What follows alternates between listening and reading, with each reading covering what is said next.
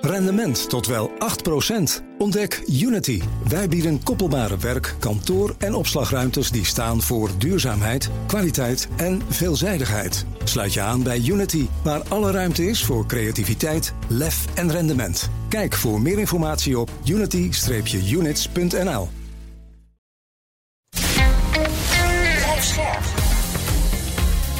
BNR Nieuwsradio. Boekenstein en de Wijk. Connor Klerks. You will benefit from better care provided by our NHS thanks to the reallocation of funds from the EU budget. Your wages will rise thanks to better controlled immigration, Oh my goodness. which will lead to less competition for jobs. Your weekly food shop will become cheaper. Food prices will no longer be inflated by agricultural policies controlled by the EU. You and your family will benefit from a resurgent economy led by new and flourishing small businesses following the removal of burdensome EU regulations and red tape. A more prosperous and safer future awaits us outside the EU. A vote to leave is a vote for a brighter future for you, your family, and your community. Best wel een eh, goed idee als je het allemaal zo op een rijtje hoort. Hè? Toch staan steeds minder Britten achter de Brexit. 56% van de Britse bevolking vindt Brexit inmiddels de verkeerde keuze, blijkt uit een recent onderzoek van YouGov. Welkom bij Boekenstein en de Wijk op zoek naar de nieuwe wereldorde. Met in de studio theatergoden Arend Jan Boekenstein en Rob de Wijk. De theatertour is helemaal uitverkocht, maar wil je toch genieten van de geopolitieke eindejaarsshow? Dat kan. Ga naar Boekenstein bestel je ticket en dan kan je dinsdag om 8 uur online meegenieten van de theatertour in de Koninklijke Schouwburg in Den Haag. Onze gast vandaag is Peter de Waard, voormalig Groot-Brittannië-correspondent voor de Volkskrant. Welkom Peter. Goedemiddag. Als we kijken naar eh, die peiling, hè, eh, een steeds groter deel van Groot-Brittannië vindt eigenlijk dat het toch niet zo'n goed idee was, die Brexit. Wat is de belangrijkste reden voor die kentering? Eigenlijk het pol- politieke tumult wat er natuurlijk de afgelopen tijd is geweest met Liz Truss en het aftreden van Boris Johnson, die eh, ja, vanwege de leugens tijdens de pandemie ja, op weg moest en er moest iemand anders voorkomen en dat eindigde in een totale chaos. Nadat zij natuurlijk een eh, financieel plan had gepresenteerd. En eh, ja, na zes weken was ze weer weg en kwam er weer een nieuwe premier. En de Britten zijn natuurlijk, ja, die kijken nou tegen Downing Street aan van eh, wat gebeurt daar allemaal? En die denken van... wa- wat is dat toch met zo'n plan dat je dan presenteert? Wat totaal wordt neergesabeld, waar je helemaal niets voor elkaar krijgt. Wat politieke zelfmoord is. Hoe verklaar je dat? Ja, ik, dat is heel erg moeilijk om zo zo even te zeggen waarom zij dat nou zo gedaan heeft. Maar ja, zij wilde zoveel geld gaan uitgeven. En op een gegeven moment kwam er een motie van wantrouwen van de mensen die dat, die, die, die dat niet meer accepteerden, die dat niet meer durfden. Dit was te gek, dit was te veel is eh, dat nou, vertrouwen. gewoon, is het nou kwam- gewoon ideologie of wat, wat, is dat nou? Nou, het was natuurlijk de financiële markt hè, die het om zeep bracht. En natuurlijk, die zeiden op een gegeven moment, dit accepteren we niet. En de rentes liepen zo hoog op. En toen kwam iedereen kwam uit herinneringen van de jaren 70 en de jaren 80. Dat er op een gegeven moment gezegd werd, eh, dit kan niet. Ja, maar eh, kijk, het moet natuurlijk meer zijn dan dat. Eh, Je komt met een plan dat krankzinnig is. Ja. De heel trickle-down. Dus je, de, Nou, zelf vond het niet krankzinnig blijkbaar. Nee, maar goed, degene die het communisme hebben uitgevonden in de Sovjet-Unie vonden het ook niet krankzinnig. Maar dat bleek het uiteindelijk wel te zijn. Dus het, het was dus feitelijk wel een krankzinnig plan, dat werd niet geaccepteerd. Het Nee. hele idee wat erachter zit is volgens mij een ideologisch idee dat wanneer je eh, meer ruimte geeft voor de rijken, dat het dan neerdaalt op de armen. Ik bedoel, eh, Ja. zijn er een, is er enig bewijs van? Maar Ik het heb geen allergekste. Ja? het allergekste is Rob, ik het echt fascinerend hoor. Kwasi Kwarteng heeft het bedacht. Dat was Ja. de, vri- de, de vriend van Liz Truss. Nou, Kwasi Kwarteng is een buitengewoon intelligente jongen. Dat zal vriend en vijand erkent dat. Gepromoveerd in Cambridge op eh, 18e eeuwse economische geschiedenis. Die jongen is niet dom. Vader is een, is een bekend econoom ook. En die doet nou, terwijl hij dus een rechtse politicus is, een conservatief politicus, doet nu iets wat links vaak wil doen. Gewoon heel veel geld uitgeven en dan komt het allemaal wel goed. Het is helemaal in strijd met de conservatieve ideologie van dat je netjes op de centjes Dus past. hè? is de vraag, waarom Ja. doe je dat dan? ja, is- Nou ja, Ronald Reagan heeft het ook gedaan in de Verenigde Staten. Ja. Het is natuurlijk wel eerder gebeurd. Ja, hè, Thatcher dat heeft dit het ook- soort dingen... Thatcher heeft het ook gedaan. Ja, ja, en het, in de Verenigde Staten kan het. Ik denk dat de Britten zichzelf compleet hebben overschat. Zij dachten dat de pond net zo sterk was als de dollar. En dat is niet zo. De dollar is de wereldreservevaluta. De Amerikanen kunnen de gekste dingen uithalen met die dollar. Die kunnen grote handelstekorten hebben. Dat is een grote belangrijk punt. begrotings, de begrotingstekorten. Mhm. En die worden toch gefinancierd. En dat gebeurt niet bij het Britse pond. Het Britten denken, denken nog steeds dat ze eigenlijk een hele belangrijke macht zijn. Maar ze zijn al, sinds de Tweede Wereldoorlog is die pond al gedevalueerd. Weet je wel, in, in 1949 of zo. Nou, Toen was het al mis. Nou ja, Ariel, kijk, weet je, eh, ik, ik blijf gewoon eh, die vraag stellen: waarom, waarom doe je dat? Dat is toch een belangrijke vraag. Nou, het is, Eh, is overschatting geweest van de macht, denk ik. Van het, we doen precies Nee, hetzelfde wat het de Verenigde Staten is. Het is veel erger dan dat, denk ik. Ik denk dat je gelijk hebt, hè? maar het is veel erger dan dat. Het is hetzelfde fenomeen als wat we met de Brexit hebben gezien. Hè, met die lulkoek van we gaan er allemaal beter op worden. Hoeveel geld ging er ook weer naar eh, de gezondheidszorg? 700 miljoen per week of zo. Ik geloof dat dat niet helemaal gebeurd is. hè? Nee, nee. Maar eh, dus je zag toen al dat eigenlijk de economie niet echt een rol speelde. Terwijl het een puur economisch project was, eh, de, de brexit. En dat zien we dus nu ook. En daarom zitten we nu weer, god beter, over die brexit eh, te praten. Ja. Daar zat een bepaald soort ideologie achter die op niets gebaseerd is. Ik heb echt het gevoel dat dat nu ook het geval is met dat idiote plan eh, van die Kwarteng en, eh, en Trus. Nou, je zou misschien dit kunnen zeggen, maar het is speculatief hoor. Mhm. Brexit is dus gebeurd omdat Boris een kans zag om minister te worden. En hij, go- hij gooide zich een gewicht erachter. Hè. Dat was dus electoraal ingegeven uiteindelijk. En de ideologie erachter was altijd al heel erg shallow. En nu, Liz was natuurlijk zelf niet zo... Die, die, vertrouwde helemaal op quasi Kwarteng. En de conservatieven zaten natuurlijk vreselijk vast na die, al die ellende met Boris. En ze hoopten met deze bold step dat het dan net goed zou gaan. Maar dat ging natuurlijk helemaal niet. Nee, maar het punt wat ik wil maken dit is als je Ja. dit soort achtelijke eh, besluiten neemt die op niks zijn gebaseerd, dan komt het dus gewoon niet meer goed op korte termijn eh, met het Verenigd Koninkrijk. Ja. Of eh, is dat nou al te negatief? Dat is al te negatief, denk ik. Ik denk dat eh, Rishi Sunak nou probeert gewoon de rust te handhaven. Ja, dat klopt. Hij heeft dat helemaal terug, eh, teruggedraaid. En hij denkt op dit moment, ik doe niks. Hij gaat op een gegeven moment ook niet zeggen... Hij trekt zich niks aan van die opiniepeilingen. Dat 54% nu zegt, eh, Ja. we hebben er spijt van, van die brexit. Hij was zegt, zelf ook Brexiteer. ik heb, Ja, hij was zelf brexiteer. Hij zegt ook nog steeds, I believe in brexit. Dus ja, in de komende twee jaar zal er niks veranderen. Want ik denk ook niet dat de achterban van de, van, ja, van de conservatieve partij... die zo tegen, eerst tegen Boris Johnson en later tegen Liz Truss is opgestaan... dat die nu weer ook tegen Rishi Sunak... want dan weten ze dat is politieke zelfmoord. Ja. Zij wachten nu eventjes twee jaar af...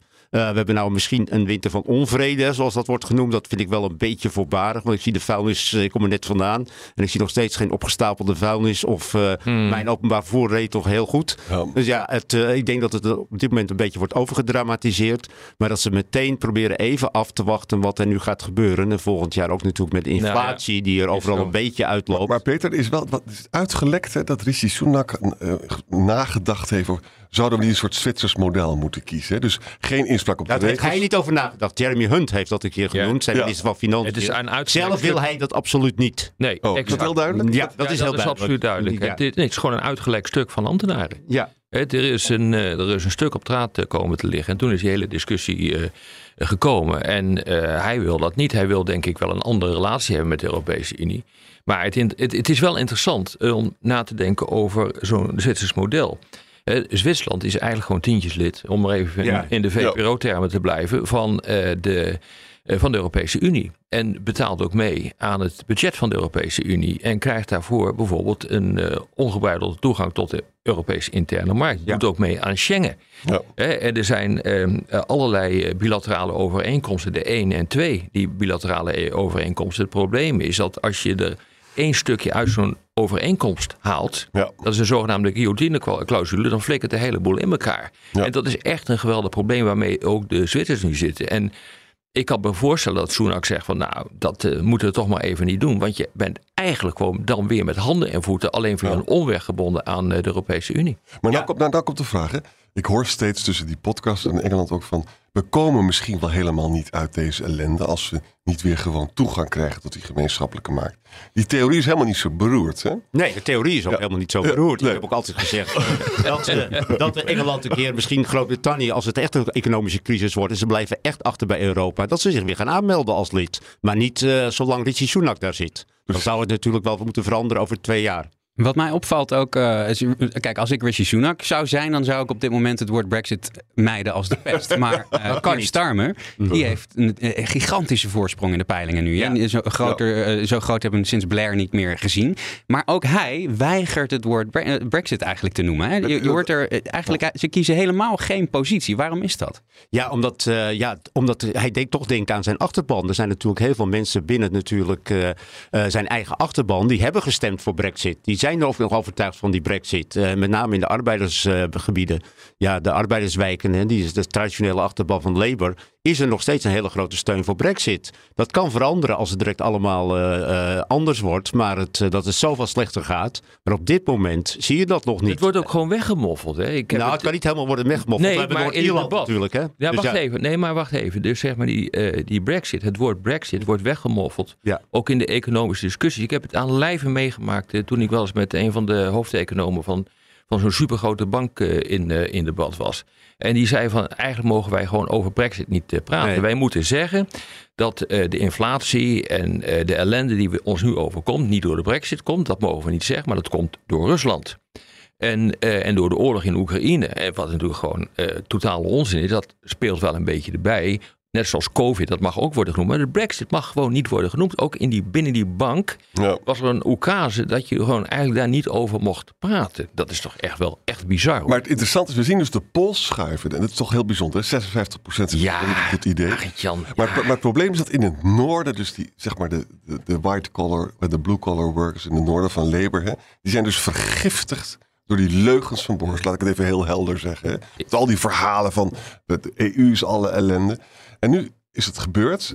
Zij gaan nu eh, hun, eh, hun baan hierdoor verliezen. Het is eigenlijk ongelooflijk. Wat we hier dus zien, je zou eigenlijk zou je journalist hiervan worden. Hè? De macht valt op geen enkele manier te vertrouwen. En ze zijn allemaal in de greep van ideologie. En Ja. ze doen dus dingen waardoor mensen gewoon hun banen kwijtraken. Maar, maar Jan, ik, daarom zei ik, zuchtte ik zo net wat. Eh, tijdens de Brexit, eh, bij, ehm, eh, hoe noemen we dat, referendum, eh, stemde 48,11 procent eh, die stemde feitelijk voor. Hè? Ja.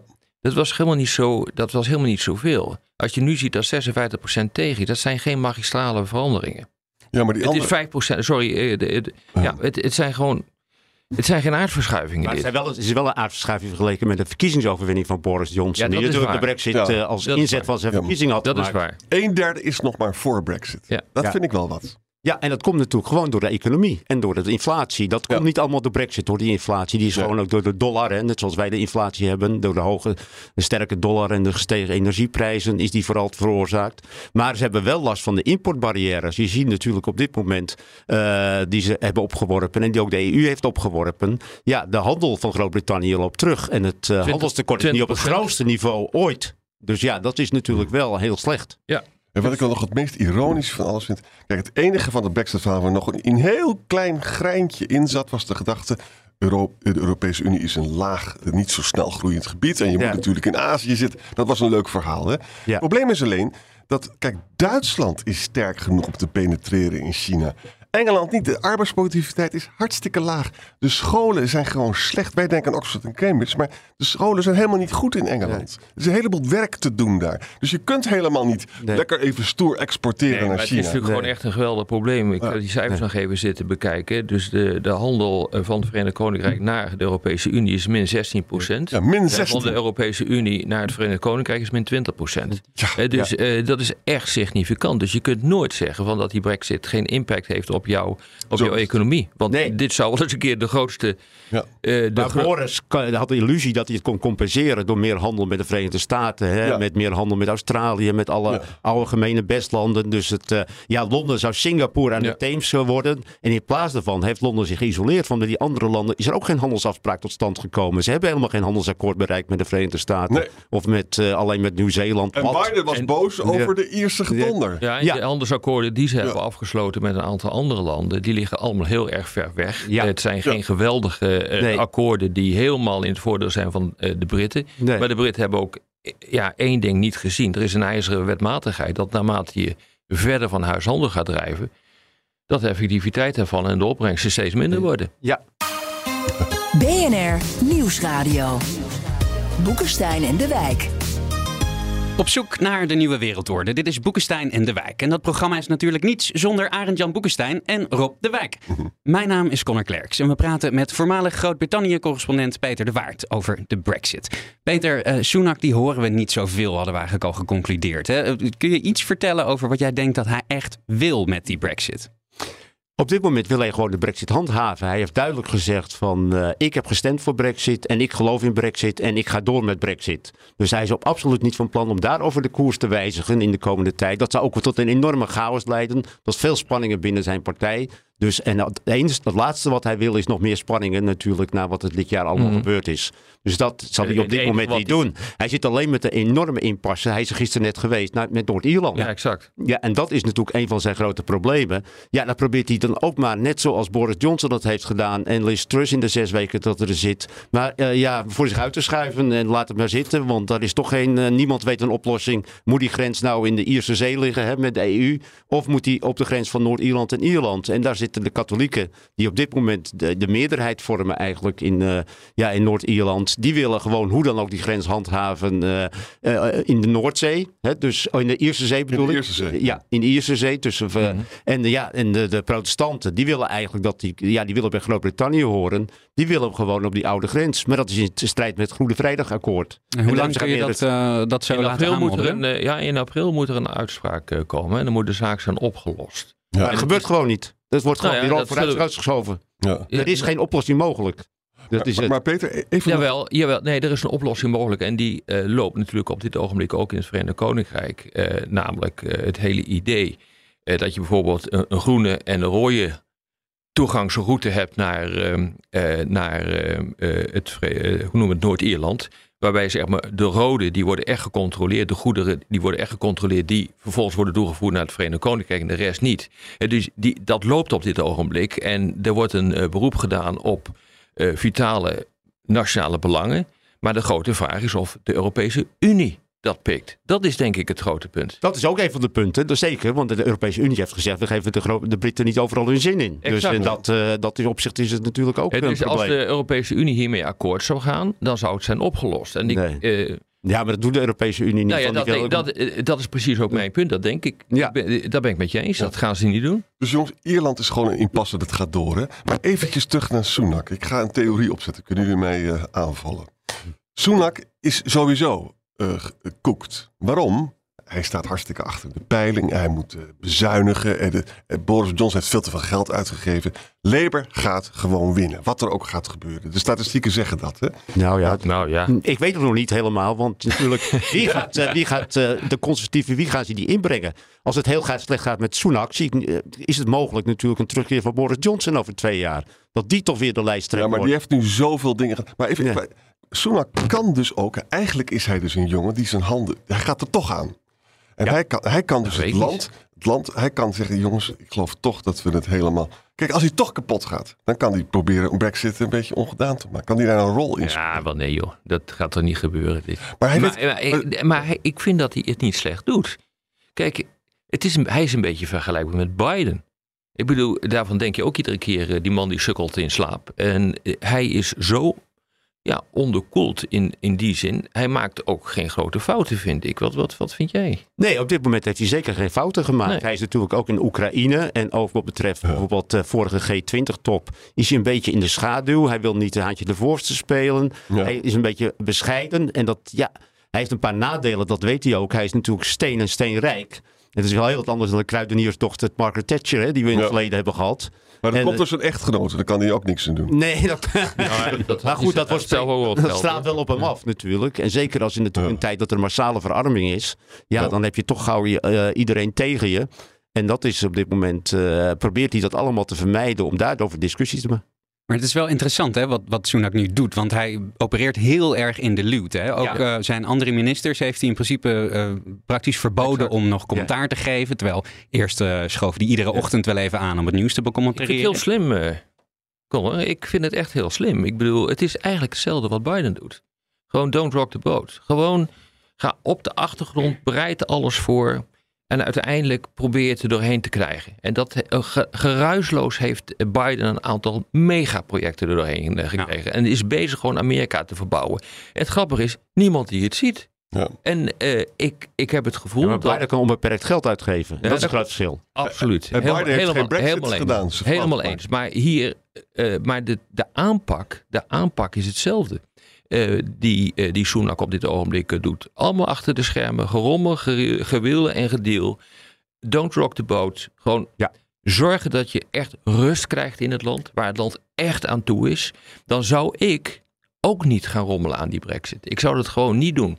Schuif dat inderdaad maar vooruit. Alleen Noord-Ierland, Ja, nou ja, hij- natuurlijk doet hij dat heel goed. Want de Britten zijn natuurlijk helemaal zat. Al die discussies over Brexit, al die wisselingen natuurlijk in, eh, in Downing Street. Ze willen nu eens een keer een jaar rust. We hebben dit jaar genoeg meegemaakt met, eh, eh, met de koningin die al overleden is. Er zijn zoveel veranderingen. De Britten willen eventjes een jaartje een pauze nemen. en dan komt Netflix ook nog met die serie over Ja, Koninkrijk. precies. Dan loopt het helemaal uit de Maar daar klauwen. komt geen rust, want ze verarmen als een gek. Ja, dat is wel voor een gedeelte. Maar ja, het is wel een aantal dingen die verschilt zijn natuurlijk met Thatcher. Eh, ja, de vakbonden zijn natuurlijk veel minder machtig dan ze waren in de jaren tachtig. Ja. Dus ja, er, zal, er zijn wel stakingen op dit moment. Maar dat er dus stakingen zijn van echt maandenlange toen zo bij de mijnen en bij de vuilnisophaaldiensten en dat soort dingen. Dat zal echt niet gebeuren. En je kunt de Britten redelijk makkelijk mobiliseren, denk ik, eh, rond het hele thema van dreiging. In dit geval Rusland, Oekraïne en dat de Verenigde, eh, Verenigde Koninkrijk daar een belangrijke rol in eh, te spelen heeft. Eh, ik bedoel, de Tweede Wereldoorlog speelt ook nog steeds een cruciale rol in het Verenigd Ja. Koninkrijk. Ik bedoel, er gaat geen navels volgens mij voorbij op de Britse televisie, of er wordt wel over gesproken. En dat, dat zie je hier ook. Dus dat is een- wel een andere cultuur, vind ik, dan in Nederland. Wij denken al dat alles ver van ons bed is, terwijl we ook tegelijkertijd denken dat we het centrum van de wereld zijn. Dat denken de Britten ook. Maar denken ook dat ze een, een, rol hebben om een, ja, een bepaalde taak in die wereld uit te, uit te oefenen. En dat zie je dus nu eh, gebeuren in Oekraïne. Daarmee kan je ook gewoon de bevolking achter je krijgen. En daarmee kan je maskeren wat eh, de gevolgen zijn van Brexit. We zullen het zien.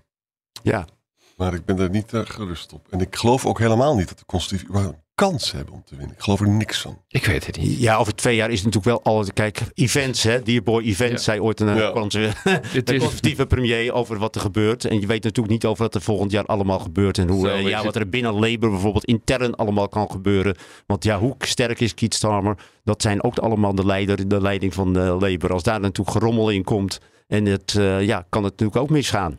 Ja, dat denk ik ook. Ik bedoel, je kunt dat gewoon niet zeggen. Ik bedoel, je bent zelf politicus geweest, eh, Arend Jan. Het Ik kan durf, zo in ik één klap durf een goede fles wijn erop in te zetten. Ik zeg het overigens omdat ik namelijk al, al die, al die eh, podcast luister met die Britten.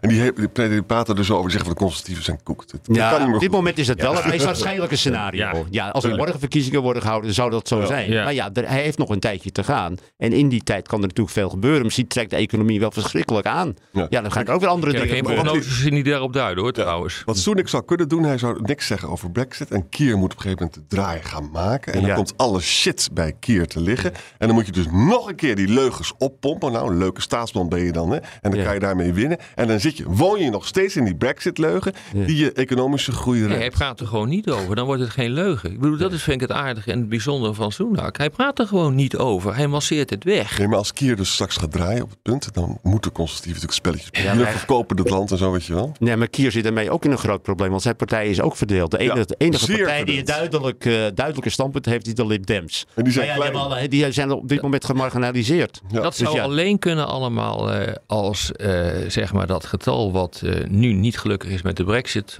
op wordt gepompt naar 75, 80 procent. Maar nu 56 procent. Het is een paar procent meer dan eh, destijds eh, voor de eh, brexit heeft gestemd dus.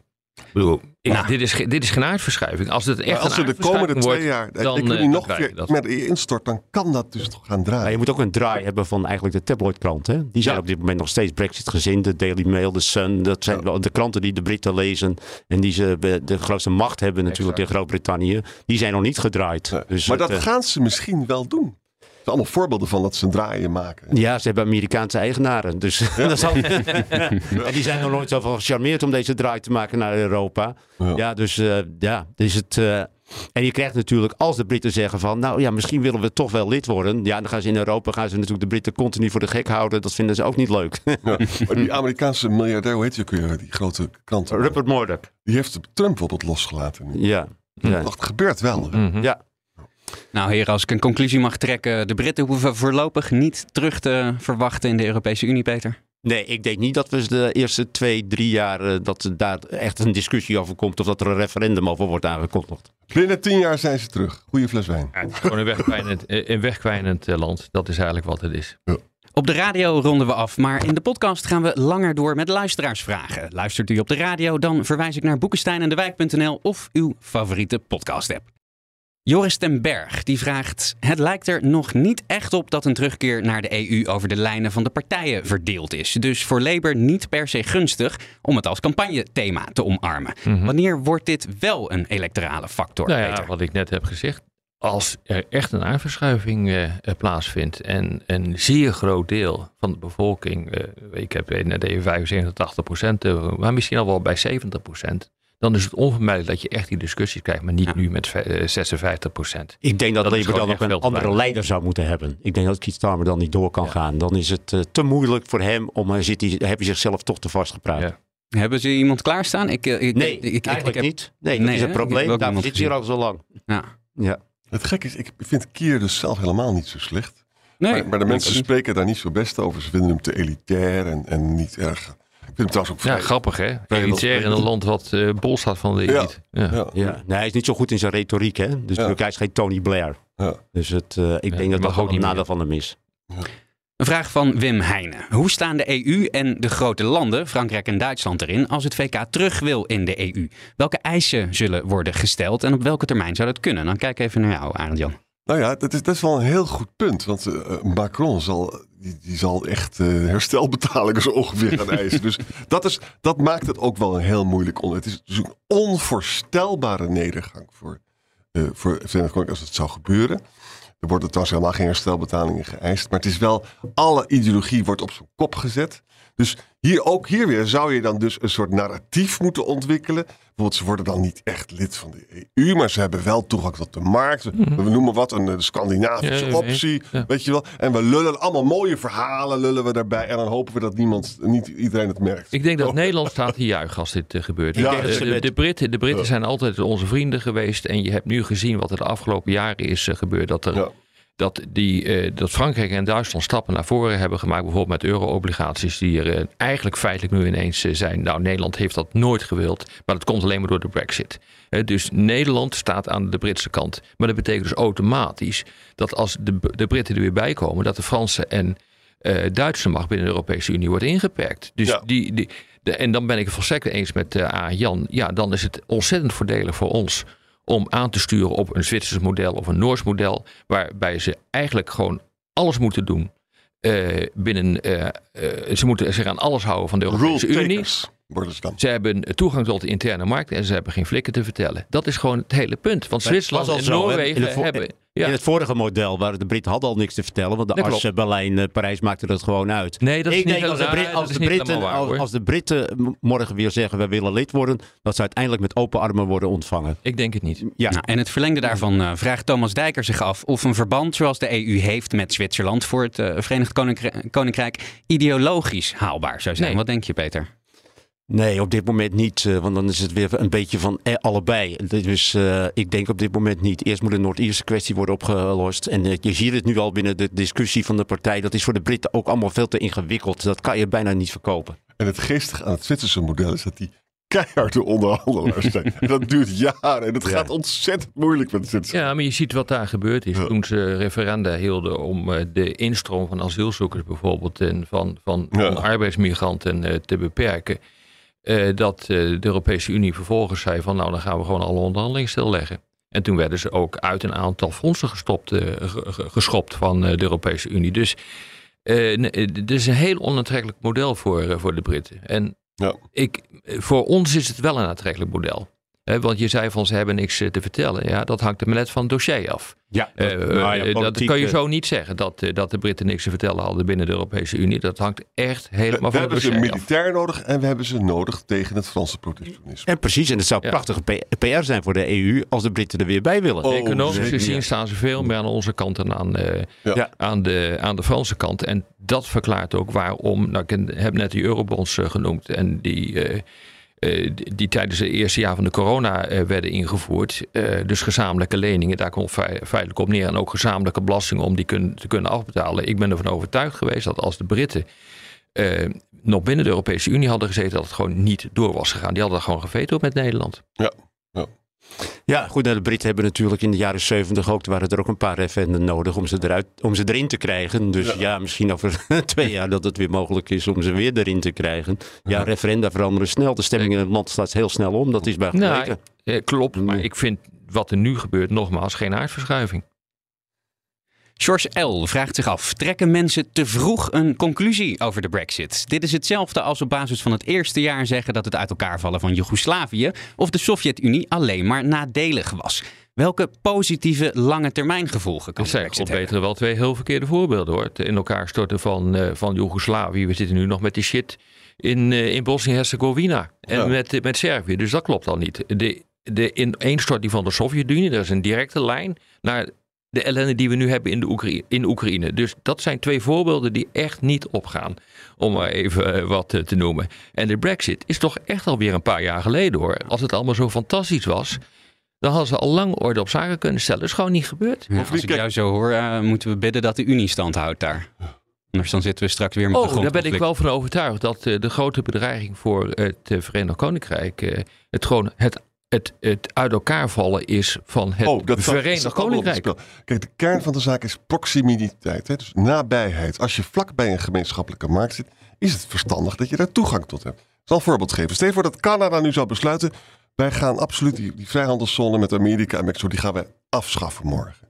Lijkt me erg onverstandig voor Canada. Canada heeft heel veel handel met Amerika. Nou, trouwens, ook Trump heeft dat geprobeerd te doen. Hè? Die wilde een andere draai aangeven. Ja, en, en dat, is, dat is gewoon suicidaal.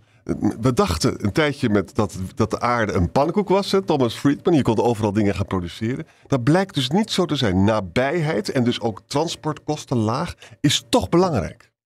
Bovendien was de gemeenschappelijke markt een van de grootste ter wereld. 500 miljoen consumenten. Dat is heel aantrekkelijk. Dan kan je schaalvoordelen maken. Als je een stoeltje maakt voor die EU27, dan heb je een veel goedkopere productiekosten dan als je het maakt voor 17 miljoen, toch? Ja, moet ook meteen aan halfgeleiders denken. Ja. Ja. Ja, dat klopt. Ja, nee, je hebt grondstoffen nodig. En kijk, het probleem is, de Britten, ik wil, dat is een soort genetisch probleem voor de Britten, vind ik. Eh, die hebben altijd het idee dat ze nog steeds een supermacht zijn. Ja. dat zijn ze gewoon niet. Zijn ze absoluut. bedoel, ze hebben geen grote krijgsmacht, om maar eens wat te, noemen. Ze hebben natuurlijk een fantastisch eh, schip gebouwd. De Queen Elizabeth, nieuw vlaggenschip, een carrier. Allemaal geweldig. Maar wat moet je ermee? Ook ja, als ik met mijn Amerikaanse collega's praat, die zeggen, nou ja, het zal wel. Ze mogen fijn meevragen, mee, meevaren, maar heel veel stelt er nou ook weer niet voor. Eh, eh, dus daar zit echt wel een geweldig probleem in. Het is ook geen wonder hè, dat eh, onder, ehm, eh, onder Johnson is er een nieuwe strategie ontwikkeld van wat het Verenigd Koninkrijk zou moeten doen. Dus meegaan met de Amerikanen naar de Indo-Pacific. Nou, Ja. Nu zitten ze met handen en voeten gebonden aan, aan Oekraïne. En als je daar dan nog eens bij neemt, hè, lage arbeidsproductiviteit, hoge ongelijkheid. In, in, in Verenigd Koninkrijk wordt dus het talent van arme mensen niet goed gebruikt door slechte scholen. Dat is gewoon heel Nou, het stom. Het, eh, kennis, v- vind ik, speelt een ondergeschikte rol in het Verenigd Koninkrijk. Eh, de, eh, de, de Brit- Britse collega's eh, die, die zeggen, ja, we worden gewoon niet gehoord. Eh, het, het wordt in de politiek weggemasseerd. En als je met politici praat in het Verenigd Koninkrijk, eh, dat is natuurlijk in het huis is dat veel groter dan in de House of Lords. En, die vinden dat ook. Ik heb nog wat van, wat van die lords gesproken. Die zeggen ook kennis speelt hier geen rol meer en dat is een schande. En andere politici zeggen, ja, wat moet ik ermee? We moeten gewoon doen wat de bevolking wil. Nou, dat is Brexit. Ruud Keuneman die vraagt: Wordt Groot-Brittannië nu de gevolgen van de Brexit tegenvallen sterker in de armen van de VS gedreven? En zo ja, is er dan nog sprake van gelijkwaardige partners, Arend-Jan? Nou, dat, ze zijn natuurlijk nooit een gelijkwaardige partner. Sommige mensen zeggen zelfs dat die special relationship eigenlijk gewoon van papier is. Hè? Dat is één. Twee is, en dat is ook zo stom van Boris Johnson, dat hij ging dus zo dwars liggen bij die eerste kwestie. Biden heeft Ierse roots. En dat speelt, het speelt een heel belangrijke rol in. eh, de Ierse lobby is heel sterk in Amerika. Mhm. S- St. Patrick's Day bijvoorbeeld wordt daar heel echt gevierd. hè? Ja, het congres Ja. eh, bestaat ook van een groot deel uit mensen met Ierse eh, roots. En Biden heeft ook expliciet gezegd, als je dat Ierse protocol gaat opblazen, dan... eh, ze hebben nog steeds geen handelsverdrag. Ja, maar dat is natuurlijk het interessante. Hè? Eh, Ja. De Britten denken dat ze een gelijkwaardige partner zijn. Kan je Ja. nog herinneren, Barnier, de onderhandeling, onderhandelaar van de Europese Unie, Ja. Die in de richting van de Britse regering Johnson eh, zei van, eh, ja, Johnson, maar ook de eh, Frost hè, was dat, eh, de onderhandelaar van Britse kant, die zei, Ja. "We moeten ons wel eh, als een gelijkwaardige partner eh, behandelen. En die Barnier, je ziet het hem zeggen, die Fransman met dat onderkoelde.